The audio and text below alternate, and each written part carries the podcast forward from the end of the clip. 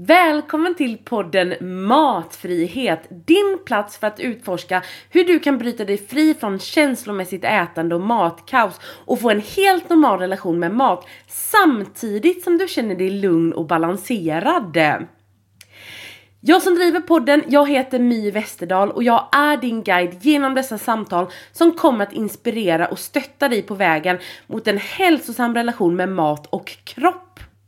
Glöm inte att besöka hemsidan matfri.se där det finns en mängd helt gratis resurser för dig som vill kickstarta din resa mot balans. Du klickar bara på knappen gratis resurser i menyn och kan välja och vraka bland alla mina kostnadsfria guider. Och för dig som vill fördjupa dig ytterligare så har jag också skrivit en bok som heter exakt samma sak som podden. Boken heter Matfrihet och du kan lyssna på den via de flesta bokappar. Om du är som jag och gärna vill hålla i boken, stryka över insikter med pennor i härliga färger och kunna läsa om stycken som fastnar extra, då kan du köpa den billigast via förlaget People and Stories. Direktlänk hittar du både i avsnittsbeskrivningen och via min hemsida.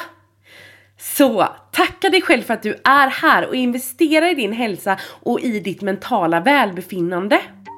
Låt oss tillsammans skapa en värld där alla kan få ha en balanserad relation med mat och uppleva sann frihet i sina kroppar.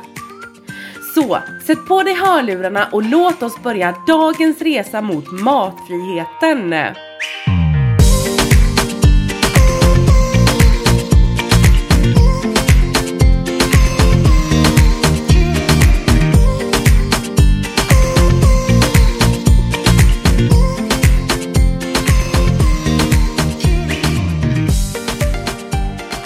Nytt år, nytt du. Eller tänker du så fortfarande? För nu är verkligen prime time av bantning. Alltså så fort man loggar in i sociala medier så dyker massa annonser upp på ja men köp kostschema, gör ditten och datten, börja träna här, eh, träffa oss där, bla bla bla. Alltså det är så mycket dietannonser. Och det här kommer ju från att vi har spenderat hela julen med att äta och götta oss med familjen. Så att många utav oss känner ju ren panik i våra kroppar tappar. Att vi känner oss otrygga och att vi måste ändra på oss. Att vi har gjort någonting fel som vi måste sona för. Men det är ju så att bantning funkar ju inte i längden. För de allra flesta går ju upp allting igen och det är inte dig det är fel på. Utan man har sett liksom på studier över hela världen att det är mindre än en procent som faktiskt går från tjocka till smala. Så att det är väldigt, väldigt Eh, få som eh, faktiskt bibehåller någon form av viktnedgång. För de allra flesta ser det ut så att man går ner mest under eh, de första sex månaderna och sedan efter ungefär ett år så börjar vikten snabbt ticka uppåt igen. Och inom 3 till 5 år så är man, har man, väger man antingen lika mycket eller mer. Och det här är ett fenomen vi brukar kalla för jojobantning. Och de flesta utav oss identifierar oss inte som jojobantare utan vi tänker så här, ja, men jag äter nyttigt eller så. Men faktum är att jojobantning handlar ju om det här att först så går vi ner väldigt mycket i vikt och sen så går vi upp igen. Och så håller vi på så. Så har du gjort några stora viktresor i livet så innebär det faktiskt att man, man har jojobantat. Och det man har sett i studier är att det är väldigt farligt för hjärta och kärl att hela tiden hålla på att tappa tappa och gå upp i vikt igen. Man har faktiskt sett att det här leder till en förtida död, även hos normalviktiga som håller på att gå upp och ner i vikt. Så det är väldigt slitsamt för kroppen att hela tiden anpassa sig till en fluktuerande vikt. Och, men det är inte lätt heller att stå emot. För att jag menar, när vi börjar mixtra med maten så är det också det här att vi ser ju det som att vi är dåliga, inte har någon disciplin, när vi inte kan låta bli att äta igen. Men det här att vi inte kan låta bli att äta, det är bara en försvarsmekanism från kroppen kroppen. För att den tror att du håller på att svälta när du inte äter det du ska. Att det, när den känner att den är hungrig och den signalerar det till dig och du inte ger den mat så blir ju den väldigt otrygg i det. Och den eh, försätter det i olika mekanismer som en ökad hunger, ökad sug, ökad matfixering och allt det här gör ju att du till slut bryter din diet och äter upp allt igen. Men det här pratar man inte om i samhället utan det man pratar om i samhället det är att det är liksom att det är din disciplin och att det är något, eh, det, att det är dig det är fel på. För att det är inte dig det är fel på utan det är liksom kroppen som går in och tar över ditt ätande. Men det är inte lätt att faktiskt våga sluta banta för att det är väldigt uppmuntrat idag att ha liksom en lägre kroppsvikt och att du förväntas om du väger mer än eh, normalvikt så att säga enligt BMI så förväntas du att göra någonting åt det. Tjocka människor ses ju som i princip misslyckade smala människor och att det, de måste förändra sig för att liksom få duga. Och så är det ju inte men det är väldigt svårt att stå emot emot det. Speciellt om alla de här liksom pressen kommer ifrån familjemedlemmar, från ens partner, från kanske olika arbetsgivare till och med, eller i alla fall kollegor. Och man ser alla andra hoppa på nya dieter och göra viktresor. Det är klart det är svårt att stå stadigt i sin grund i det. Men det är därför också jag väljer att släppa det här avsnittet just nu. För att eh, Karin Kajan kommer hit och vi ska prata om just det här hur man vågar sluta banta, hur man vågar låta bli det här och förhoppningsvis så kommer du få kraft och styrka att faktiskt stå emot och våga lyssna på din kropp och din kroppssignaler istället för att hoppa på en diet. Så att med det sagt så kör vi igång!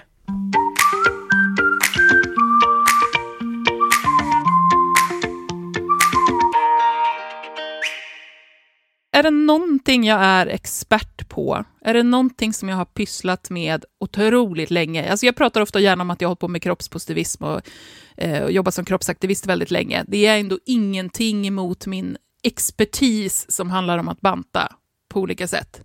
Jag har ju bantat i princip så länge jag kan komma ihåg. Jag minns ju liksom när jag satt vid matbordet när jag var alltså, eh, dagis, som det då hette, dagisbarn. Liksom och hade en upp, för att mina föräldrar bantade jämt och hade en uppfattning om hur man skulle göra. Alltså du vet, redan innan jag kunde prata rent så kunde jag vara så här, klappa mig på magen, jag var ju tjock redan då.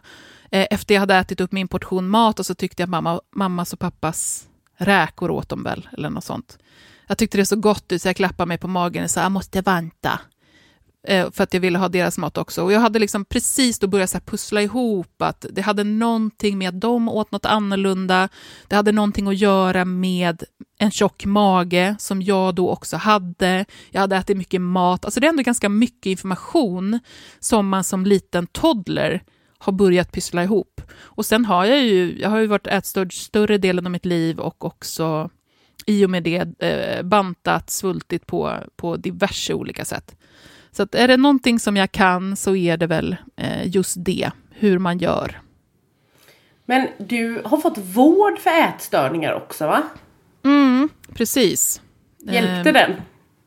Det har varit lite varierande kan man säga. Den första vården som jag fick det tar ju också, och det här vet vi ju, alltså, både för mig men också rent statistiskt hur det funkar för de flesta, så att är du en person som inte är underviktig eller, eller smal så tar det mycket, mycket längre tid för dig att få vård för en, för en ätstörning. Så det tog väldigt lång tid för mig. Och den första vården som jag fick var via BUP i den staden som jag bodde och det var ju rent katastrofalt det var ju enbart någonting som eskalerade min sjukdom, som förstärkte min syn på att min vikt var ett problem. Hela min behandling gick ju ut på att jag fick skriva matdagböcker som min sen då smala behandlare satt och strök i liksom med penna för att jag åt för mycket.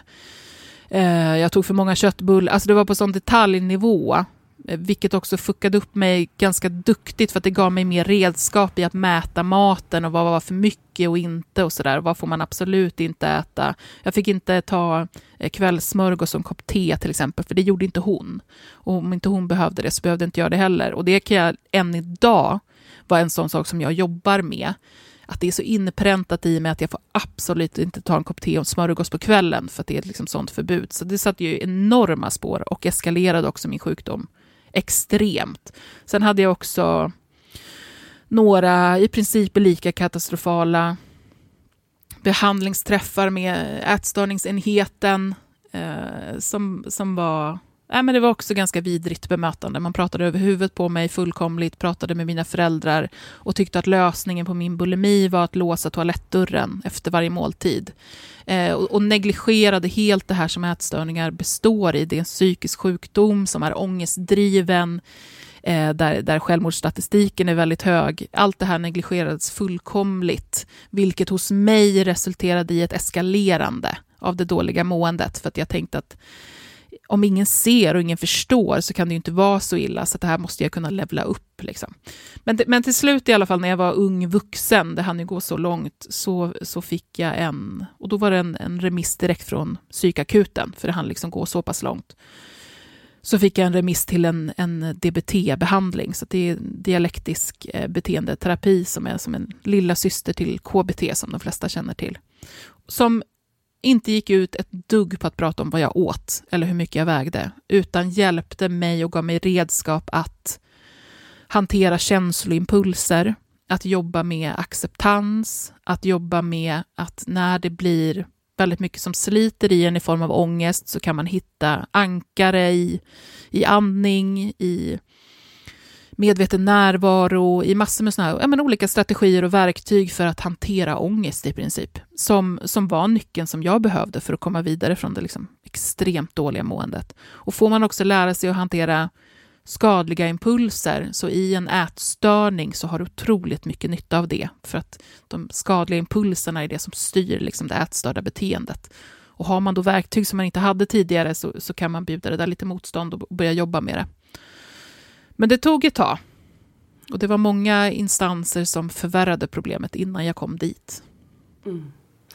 Ja, alltså många som kommer till mig och min kurs, de har kanske fått någon slags behandling innan så att man är kanske av med de här eh, extrema utloppen som kräkningar mm. eller så vidare och så vidare. Men de känner ändå liksom att det de lärde sig var ungefär, men så här ser en normal ätdag ut, ät så här.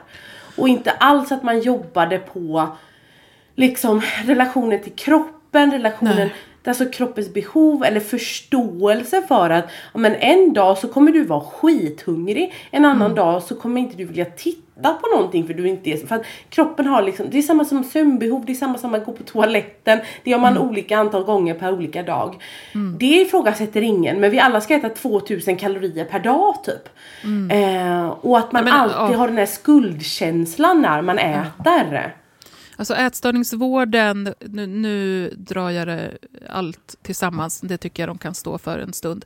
Eh, ätstörningsvården är så problematisk på så himla många sätt. Och mycket är ju för att grunden i en stor del av den behandling som ges handlar av, om att ge mer av det här skadliga, destruktiva beteendet. Det vill säga ett överfokus på maten, överfokus på vikten. Eh, du, ska, du ska mäta ännu mer än du har gjort tidigare och så tror man att det ska lösa någonting. Ja, man kan, man kan få hjälp att lösa saker så att underviktiga till exempel handla, hamnar på ett BMI som vården tycker är okej. Okay. Eh, vilket BMI-vården tycker är okej okay är ju för övrigt inget att hänga upp någonting alls på. Ehm, men också att du, att du får, sluta, får hjälp med att sluta med de här värsta bitarna av, av eh, antingen självskadebeteende eller kräkningar eller sådär. Men, men det är ju inte det som är den psykiska sjukdomen som en ätstörning är, utan det här är ju framförallt en ångestdriven problematik, eh, fobier, rädslor, eh, det finns samsjukdomar med depressioner och så vidare som går hand i hand med det här som, som man sen lämnas med att hantera själv. Eh, och, och, jag delar ju liksom din uppfattning. Jag möter jättemånga personer som, som har fått någon slags friskhetsstämpel från vården, men där man, där man själv känner att man har inte fått någon som helst hjälp med de här grundläggande problemen som står bakom allting. Vilket ju är förfärligt. Det ska inte gå till så. Nej, jag har en kompis som var eh, inlagd för att hon var jätte, jättesjuk. Mm. Och då sa liksom hennes behandlare så här att men drick ett glas saft. Tror du att jag blir tjock om jag dricker ett glas saft? Och det, det här det liksom gödde ju hennes grundproblematik. Hennes största ja. rädsla var ju att gå upp i vikt, att bli tjock. Och att ja. då ens ta upp det istället för att utmana så här, men vad är det värsta som kan hända om du blir tjock? Ja, det visst. är väl en mer relevant fråga. Ja, och det finns inte. Det är ett, ett jättestort problem, de här fettfobiska premisserna som man använder i, i behandling och där kanske framförallt ska vi säga, den, den mindre delen av ätstörda som har anorexi, vilket eh, är viktigt att komma ihåg, att det är bara en, en, en, mindre del av hela gruppen ätstörda, där man får höra att du kan äta det här, det är inte farligt, du kommer inte bli tjock av det. Vilket precis som du säger gör att man bara förstärker så här att den, din rädsla för att bli tjock är relevant och den är riktig. Så att man befäster den ännu mer. Och sen händer saker i livet, du kanske går upp lite vikt under en period. Vad är det som har hjälpt dig att hantera den rädslan? Absolut ingenting, utan du har bara förstärkt. Så problematik, du går därifrån med en förstärkt problematik. Exakt.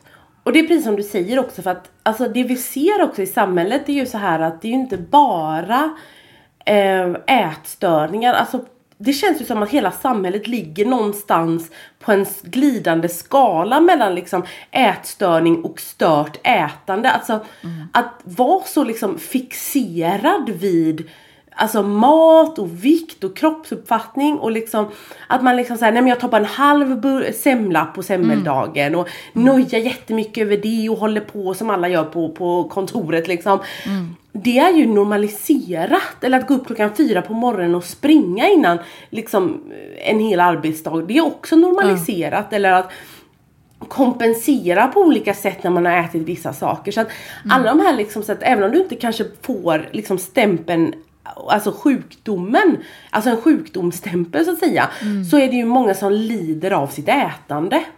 Ja, alltså det är, precis som du säger så är det, som, det är ett spektra det där. Alltså för det första är det viktigt att komma ihåg att, att de som väl får diagnos, det är ganska mycket som är är invecklat kring det också när det kommer till fördomar om vem som är ätstörd och så vidare. Där personer som, som vi vet tillhör eh, majoriteten av ätstörda människor, det vill säga personer som har fått diagnos, faktiskt är det man, man klassar som normalviktig eller överviktig. Det är liksom den stora gruppen.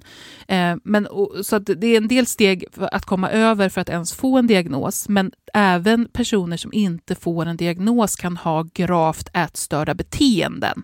Bara att det inte är tillräckligt för att kvalificera sig in i en diagnos, så betyder ju inte det att du har, ska vi säga, ett sunt eller ett icke-skadligt sätt att förhålla dig till mat. Men, men det här har vi också glömt bort för att precis som du säger så har det normaliserats. Alltså varenda löpsedel som pratar om så här ska du tänka inför julbordet, så här ska du gå ner så och så mycket i vikt, så här långt behöver du springa när du har fikat. Alltså, mm. Alla de här sakerna är ju ätstörda beteenden. Och de behöver bara levlas upp lite, lite grann så hamnar du liksom på kriterierna för en en, en eh, diagnos. Och diagnoser som hör ätstörningar hör till eh, de mest dödliga psykiska sjukdomar vi har. Det är liksom ingen, det är ingen liten sak vi pratar om. Men just eftersom den här normaliseringen generellt mellanmänskligt och i samhället i stort är så pass kraftig så är det inte konstigt att vi inte hinner reagera på när de här normaliserade ätstörda beteendena går över till en regelrätt sjukdom. För att vi är så många som är i gränslandet hela, hela tiden och tror att vi ska vara där. Att det ses som någonting dåligt om vi inte är där. Om vi inte hela tiden tänker på hur lite eller hur mycket vi äter. Eller försöker kompensera eller, eller bränna kalorier. Eh, och så vidare. Så det är... Oh, det, det, är vidrigt att kolla på hur statistiken för ätstörningar hela tiden ökar och framförallt kryper ner i åldrarna eh, som det framförallt har gjort nu, otroligt små barn som blir sjuka. Men det är inte konstigt att det blir så. När hela det här systemet runt omkring konstant bäddar för att det ska bli så. Så är det klart att det är det resultatet vi kommer få. Ja, och också att vi ser liksom, nu lever vi ju med massa social media och då ser vi alla de här liksom hurtbullarna leva ett helt jävla omöjligt liv. Alltså mm. någonting som verkligen så sjönk in på mig och som var viktigt för mig att förstå. Det var så att nej men när jag hade liksom ett 9 till 5 jobb. När mm. fan skulle jag hinna laga storkok och träna fem dagar i veckan? Mm. Och sen ska man pendla två timmar om dagen om det och sen ska man ha ett socialt liv och allt det här.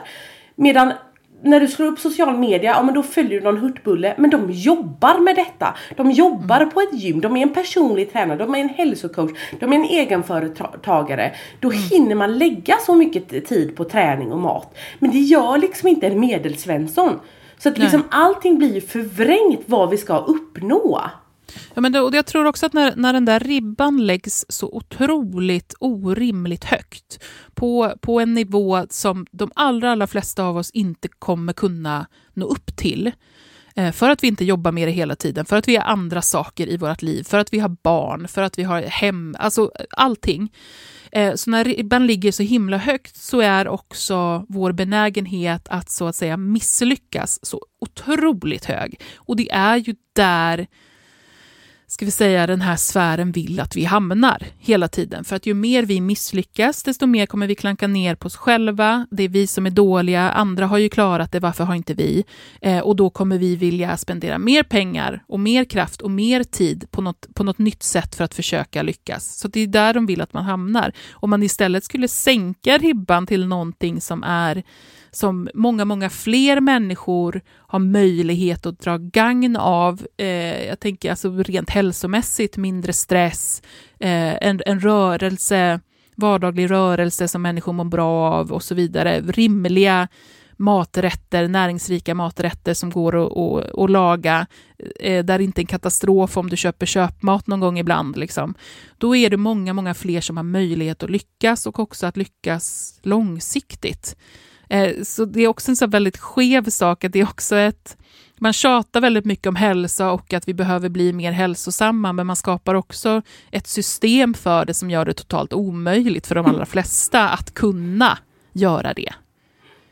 Exakt, och det märker man ju liksom. Jag själv är egenföretagare. Jag har ju en helt annan flexibilitet. Mm. Och kunna gå och träna, för jag tränar väldigt mycket och det är många som reagerar på det. Men jag har ju tränat mm. så otroligt länge. Och jag har, alltså nyckeln till det, det är att jag aldrig faktiskt haft viktmål med min träning. Utan det är liksom som min Alltså nästan som min antidepp liksom. Jag måste gå och träna för då mår jag så bra. Alltså psykiskt. Och jag älskar de här liksom eh, vad ska man säga, dopaminkickarna och endorfinerna och springa skiten ur mig och allt det här. Och det mm. har ju mm. inte alls med vikt att göra. Men jag lever också en livsstil som möjliggör det eftersom jag är egenföretagare. Mm.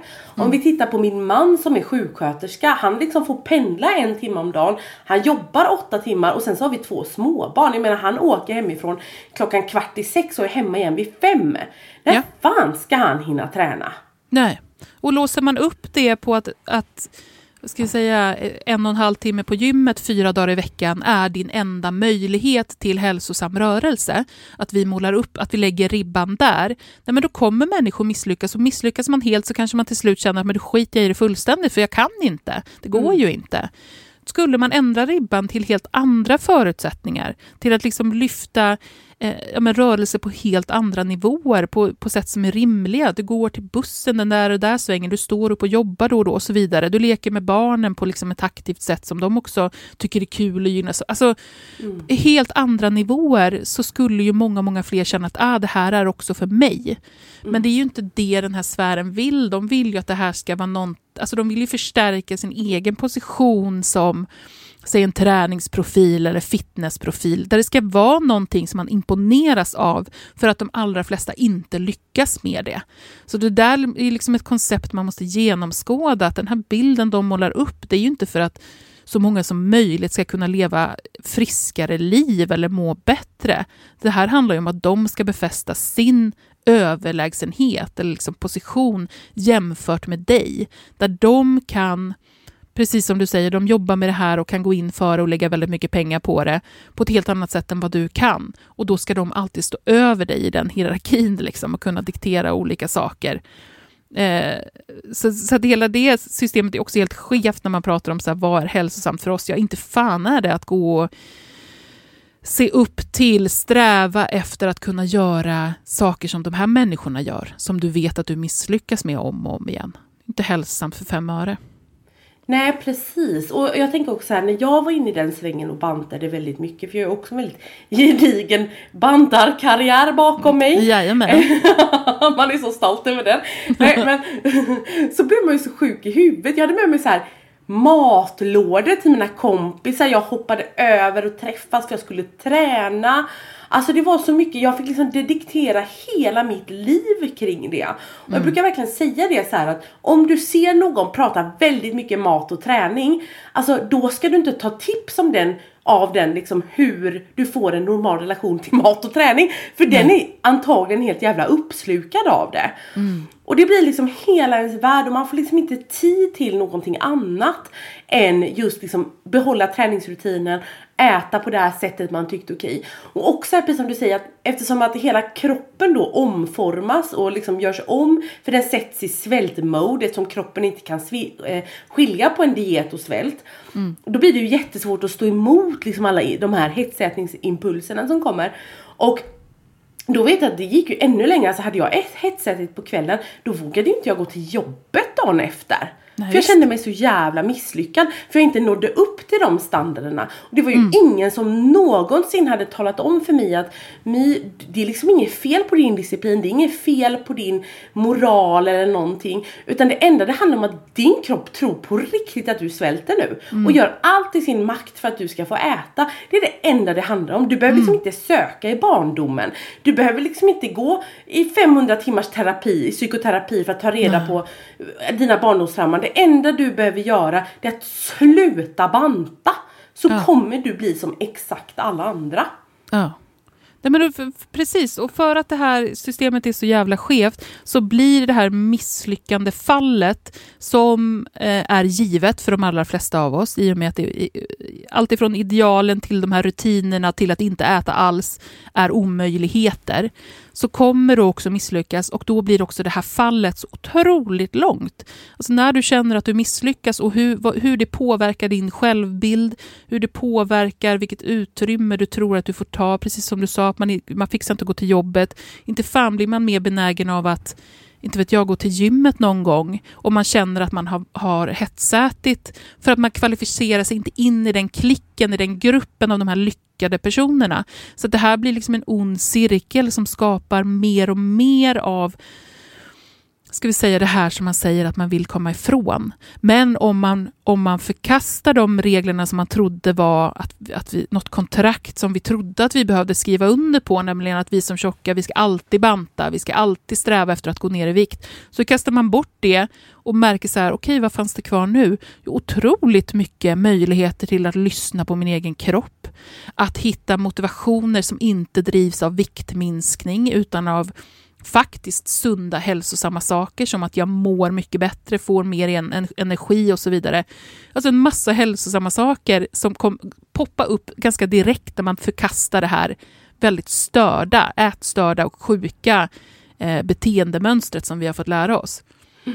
Ja men verkligen och liksom så här hitta, det är ju därför med mina studenter och så kommer till mig och de har en helt trasig relation med träning, de har en helt trasig relation med grönsaker. Bara för att det är någonting de har använt sig av för att banta, inte för att må bra. Ja. Och sen har man förtäckt det här i att må bra. Det är också mm. det här liksom så här att många ser ju det här att ja men när jag bantade så mådde jag så mycket bättre nu. Och då kopplar man ihop det med någon slags viktnedgång. För att det egentligen ja. handlar om att man kanske började satsa på mer rörelse, man sov bättre, man kanske skippade alkoholen, man åt mer varierat. Och de grejerna kan man göra utan att behöva gå ner i vikt. Ja, men och också att, att du känner att du mår så mycket bättre under en, en bantningsdrive har ju också väldigt mycket att göra med att du jag brukar kalla det för duktighetspoäng, men när man levererar och presterar ut efter det som förväntas av en från samhället. Alltså att du som tjock aktivt bantar, som är det samhället säger till dig att du måste göra hela tiden. Kommer du börja göra det så kommer du känna dig mer accepterad. Du kommer känna dig duktigare, att du gör det som är rätt. Och då kommer den här rösten som hela tiden hatar på dig själv att minska lite grann. Går du sen också ner i vikt så kommer du möta mindre fettfobi från samhället runt dig. Du kommer applåderas och du kommer bli, ah, ska vi säga, mindre olidligt liv, vilket också kommer göra att du mår mycket bättre. Men det här är ju saker som har med samhällets fettfobi att göra och inte med din vikt att göra. Så det är superviktigt att skilja på de där olika sakerna. Vad är det som har gjort att jag mår bättre? Ja, men kanske handlade det om framför allt att jag slutade vara så jävla elak mot mig själv. Att jag slutade lägga den här pressen på mig själv.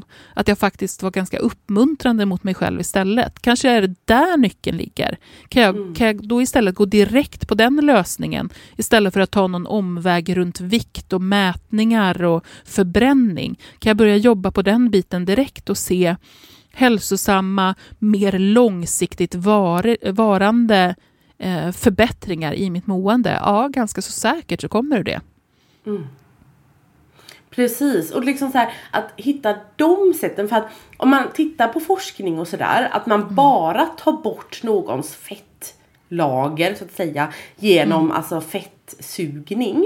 Mm. kommer inte enligt forskningen förbättra hälsan avsevärt. Medan om man då lägger till de här hälsosamma beteendena då ser man markanta förändringar och det blir också mer hållbart på ett annat sätt markanta förändringar också eh, oavsett vad du väger. Alltså att den här riskökningen som man kan prata om på gruppnivå vid en hö hög vikt och riskökningar för vissa sjukdomar, den kan man ju i princip sudda bort med de här olika ska vi säga, livsstilsvalen eller beteendena. Alltså med rörelse, inte dricka för mycket alkohol, med vila, med att äta grönt och så vidare. Eh, så gör du det, men man plockar bort vikt ur, ur eh, ekvationen, så kommer eh, hälsan att påverkas. Så att det behövs liksom inte, det ställer ju bara till det och ökar riskerna för en massa skit. Exakt. Och, och, inte, alltså tänk då om du hade suddat bort viktstigma ur den ekvationen också. Det är otroligt svårt att göra som vi lever i samhället. Men låt säga mm. att man hade gjort det. Vad hade hänt då med liksom riskökningen? Ja, visst. Så att det, det, det, det är ju så mycket som spelar in och sen så får liksom viktnedgången all, eh, vad ska man säga, all cred. Men hur gjorde du? Alltså om man bortser då från liksom ätstörningsbehandlingen där du är idag. Hur ser din relation med mat och ätande ut idag? Och vilka var de viktigaste stegen du tog? Alltså maten är ändå det som har kommit, som har varit svårast för mig och, och kommit senast. Säkerligen för att jag har levt med ätstörning så himla länge där det har varit så fokuserat kring det. Jag tänker att det kanske ser annorlunda ut om man, alltså situationstecken, eh, bara har eh, kroppshat att jobba med till exempel. Mitt har varit så upphängt på ätandet och, och, och på mat och sådär.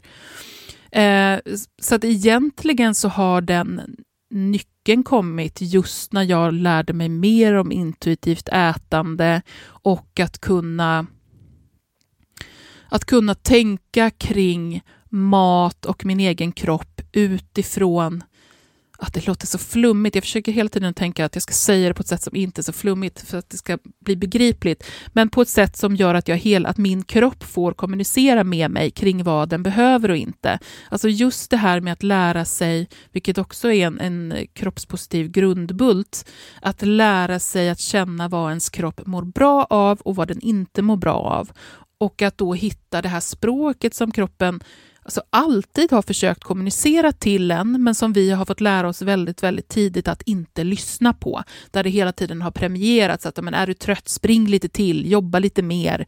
Eh, vi ska hela tiden jobba emot de här signalerna. Hittar man tillbaka till det där språket så, så, så hittar man ganska snabbt att kroppen hela tiden berättar med all tydlighet för dig när du är hungrig, när du är mätt, vad du behöver mer av, när du behöver vila, när du behöver rörelse. Eh, så att hitta tillbaka till det där där man kan öppna upp för kroppens vilja eller, eller förmåga, eller bara att vi ska lyssna på det, att kommunicera med en. För det är inte heller, har den väl fått börja prata så kommer man inte glömma bort det heller, utan då är den kanalen öppen. Då, har man, då vet jag hur hunger känns för mig, jag vet hur sug känns för mig, hur trötthet och hur den kan skilja sig åt om jag är sömnig eller om jag börjar bli utmattad av någonting eh, och så vidare. Så då, det har liksom varit en jättestor nyckel. För jag, lång tid innan dess så försökte jag liksom harva kring, alltså precis lika mycket som jag har på med bantning har jag också varit inne i så här, extremt situationstecken hälsosamma ätbeteenden. Jag, jag kan väldigt mycket ska säga, rent näringsläramässigt. Jag vet vad man ska äta och i vilka mängder och, och, och sådär, men på ett sätt som, som blir osunt eh, för att man försöker följa det för mycket. Men ingenting i det ska säga, hälsosamma ätandet har inkluderat min kropp eller hur min kropp svarar mot eller vad min kropp behöver. Så det är först när jag öppnar det upp för och börjar, vilket jag övar på fortfarande, eh, eh, de signalerna som jag har landat i någon slags ska säga, harmoni, där det inte känns läskigt. Det finns heller inte de här kraven för vad man får äta och inte, för att man har den så pass mycket kommunikation med ens egen kropp att jag har inget problem att säga nej tack till sötsaker för att jag är helt enkelt inte sugen på det. Därför att jag, min mitt sug styrs inte längre bara av vad som är tabu eller inte, eller vad, vad jag ska akta mig för eller inte, utan det styrs av vad jag faktiskt är sugen på. Och där kan jag också känna att är jag klockan tio på kvällen supersugen, känner jag, vilket många kan tycka är triggande och det kan kännas som ett problem och man får inte äta på kvällen och så vidare. Att jag nu kan härleda det till att, men vänta nu, jag åt ju för väldigt länge sedan, min kropp är väldigt hungrig. Jag behöver fylla på med någonting för att det här suget är så liksom, dominant och kan göra det och känna ett lugn i att min kropp berättade att den var väldigt hungrig. Jag åt för länge sedan, jag kunde fylla på med någonting som gör att den hungern stillas på ett, på ett lagomt sätt så att jag sen kan sova gott. Då, då fin det finns en otrolig trygghet och harmoni i det där. Också att det inte är någonting som människor utifrån kan komma och diktera för dig. För de här, din kropps eh, kommunikation med dig är det bara, bara du som har. Så att det spelar ingen roll vad andra kommer och säger och vilka regler andra har, utan det är du som har den där kommunikationen med kroppen och det kan man känna väldigt trygghet i, tycker jag. Mm. Alltså min uppgift som liksom coach i matvet är ju oftast att hjälpa mina klienter att bara lära känna sin egen hunger. Visst. Många, många tänker så här, ja men jag måste lära mig att bromsa när jag är mätt. Bara, ja fast om du ska lära dig bromsa när du är mätt, då mm. måste du börja svara på tidiga hungersignaler. Och ja. en tidig hungersignal är inte att svimma eller att känna att magen grymtar eller att bli helt darrig och skakig. Det är inte en tidig mm. hungersignal. Utan där får man liksom hjälpa till. Så här ser hunger ut i tidigt skede. Och när kroppen blir tillräckligt trygg att den alltid får mat i det skedet. Då kommer mm. det inte vara några problem för dig att sluta äta när du är lagom mätt. Men det tar tid. Det är typ mm. som ett Alltså vi är ju så vana vid quick fix idag med våra dieter och så. Vi vill ha liksom resultat på bara några veckor. Men det här tar ju liksom, alltså det är ungefär som att, låt säga att eh, din partner har varit otrogen och så säger din partner fast nu ska jag aldrig mer vara otrogen igen. Alltså det mm. kommer ta lång tid för dig att liksom lita på det. Så det mm. inte bara är ord. Så att även om du har liksom sagt till din kropp att nu ska jag inte banta igen. Då kommer inte den börja lita på dig bara för det. Nej. Utan det tar ju liksom lång tid tills kroppen känner sig tillräckligt trygg att nu får jag mat så fort jag ber om det. Och mm. då vill inte jag heller äta mig äckelmätt. Så det är ju verkligen en process. Ja, det visst, och det är tillit åt båda hållen. Så är det ju med, med, med, kommunikation generellt. Kroppen ska känna att, den, att det är värt att, att ge de här signalerna med tydlighet för att du faktiskt lyssna på dem. Och du ska känna att, att kroppen inte försöker, vilket vi också får lära oss, kroppen försöker lura dig till massor med saker. Att du ska överäta eller du ska vara lat eller sådär. Så är inte fallet.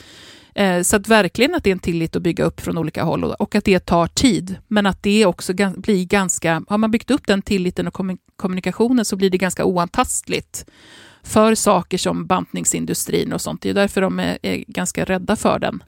Mm. Ja men precis, för att när man väl har gått igenom den processen, det är ju någonting man gör en gång och sen så gör man det. För när man ser, ser igenom allt det här Mm. Så, så, så går man ju aldrig tillbaka igen. Och jag tänker också så här typ att jag själv har ju fått jättemånga fysiska konsekvenser av mitt bantande. Mm. Exempelvis så, jag och min man vi har varit tillsammans väldigt länge och eh, vi fick kämpa i fyra år för att bli gravida för att jag slutade menstruera. Och då mm. sa alla läkare att det var för att jag var tjock. Oh. Och så var det för att jag var för smal.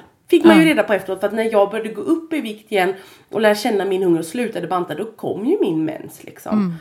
Mm. Och, och liksom så här, men medan liksom, så att det är så många konstiga grejer och nu när jag är viktstabil och på den vikt jag ska vara så eh, har jag liksom det här, till exempel jag får jättemycket blodsockerfall precis som magsäcksopererade får. Att mm. min kropp är jätte alltså, har blivit så dålig på att dosera mitt insulin.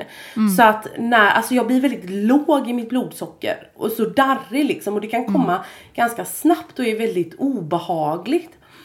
Um, och samma sak typ som mitt lymfsystem, jag blir lätt vätskesvullen och sådana grejer. För att det är de här liksom viktfluktuationerna jag har hållit på med hela livet. Och mm. det är ju mm. sådana grejer man bara vill gå ut och varna om men ingen lyssnar. Nej.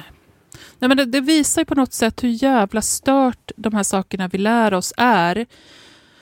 När vi får lära oss att gå emot allt vad kropp, kroppen berätta för oss att den behöver. Alltså du ska inte, är du hungrig så får vi tusen eh, strategier eller sätt att försöka liksom stå emot det. Drick lite ljummet vatten eller tänk på något annat. Eller så här, idiotsaker. Där man är så här, är det, är det konstigt att våra kroppar tar stryk av det? Är det konstigt att ämnesomsättning och, och eh, rubbas för i princip all framtid? Nej, men det är klart det inte är det, för du har varit där och, och bråkat och trixat runt precis allting istället för att lyssna på att kroppen och tro på att kroppen inte försöker lura dig till ett ohälsosamt liv. Varför skulle den det?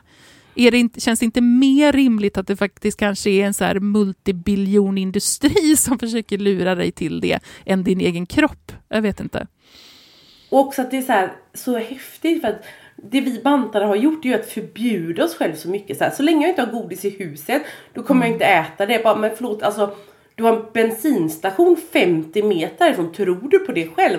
Istället mm. skapar man ju ett monster i sig själv att så fort man hamnar i närheten av något sött då kommer man tappa kontrollen. Ja, Men liksom intuitivt ätande är ju tvärtom. Bara ha så jävla mycket godis du vill hemma. Mm. Och ju mer du tillåter dig desto mindre intressant kommer det att bli.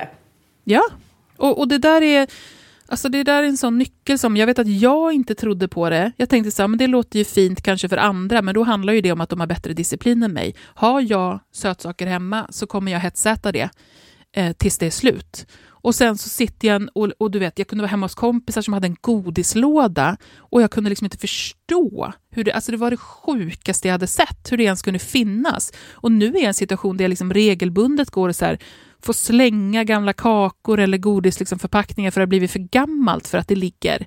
Därför att vi, har, vi har ätit det när det har varit suget och kroppen är inte, får den komma till ett tillstånd där saker och ting inte är laddade med våra värderingar som, som fuckar upp allting, så är den inte sugen hela tiden. Den är inte det och då kommer det där problemet försvinna. Mm. Det är verkligen en sån, jag tror man måste gå igenom det själv och börja jobba på det själv för att på riktigt tro på det. För att det känns otänkbart. Det är nästan typ den vanligaste grejen jag möter också. Um, att prata med, och även liksom med, med tjocka personer som har kommit ganska långt rent kroppspositivt i förhållande till, till sin egen kropp, så har man fortfarande den här bilden av att, av att det där handlar om ens egen disciplin, när det kommer till överätande och inte. Och så gör mm. det inte det, utan det beror på andra grejer. Och som går att justera. Mm. Det är så många aha-upplevelser med sånt här alltså. Mm. Ja, nej det är så jäkla jäkla häftigt och jag håller med dig och det är liksom någonting som måste upplevas själv för att förstå och liksom när man väl får alla de här små vinsterna, att man glömmer saker, man upptäcker att man inte är sugen, att mm. man känner att man har kontroll och inte liksom hela tiden tappar kontrollen. Det är ju som att få tillbaka sitt liv. Oh ja, gud ja. Du, du får så mycket utrymme till att Alltså vara sann mot dig själv, att, att må bra, att ha utrymme till att tänka på andra saker istället för att hänga upp allt kring de här bitarna som har blivit så otroligt laddade för dig. Du har ork och kraft och säga, självkänsla kring andra. Alltså det, det, är ju en frihet som det går inte riktigt att beskriva. Det är så många ringar på vattnet så att det går liksom inte riktigt att förstå. Och så är det ju för att vi har hängt upp så mycket, alltså rent samhällsmässigt, som vi började prata om, på den här ätstörda synen på matrörelse och kropp. Så är det ju så mycket som, kan man lösa de där knutarna sen, så är det så mycket smärta som kommer som man kommer slippa. Mm.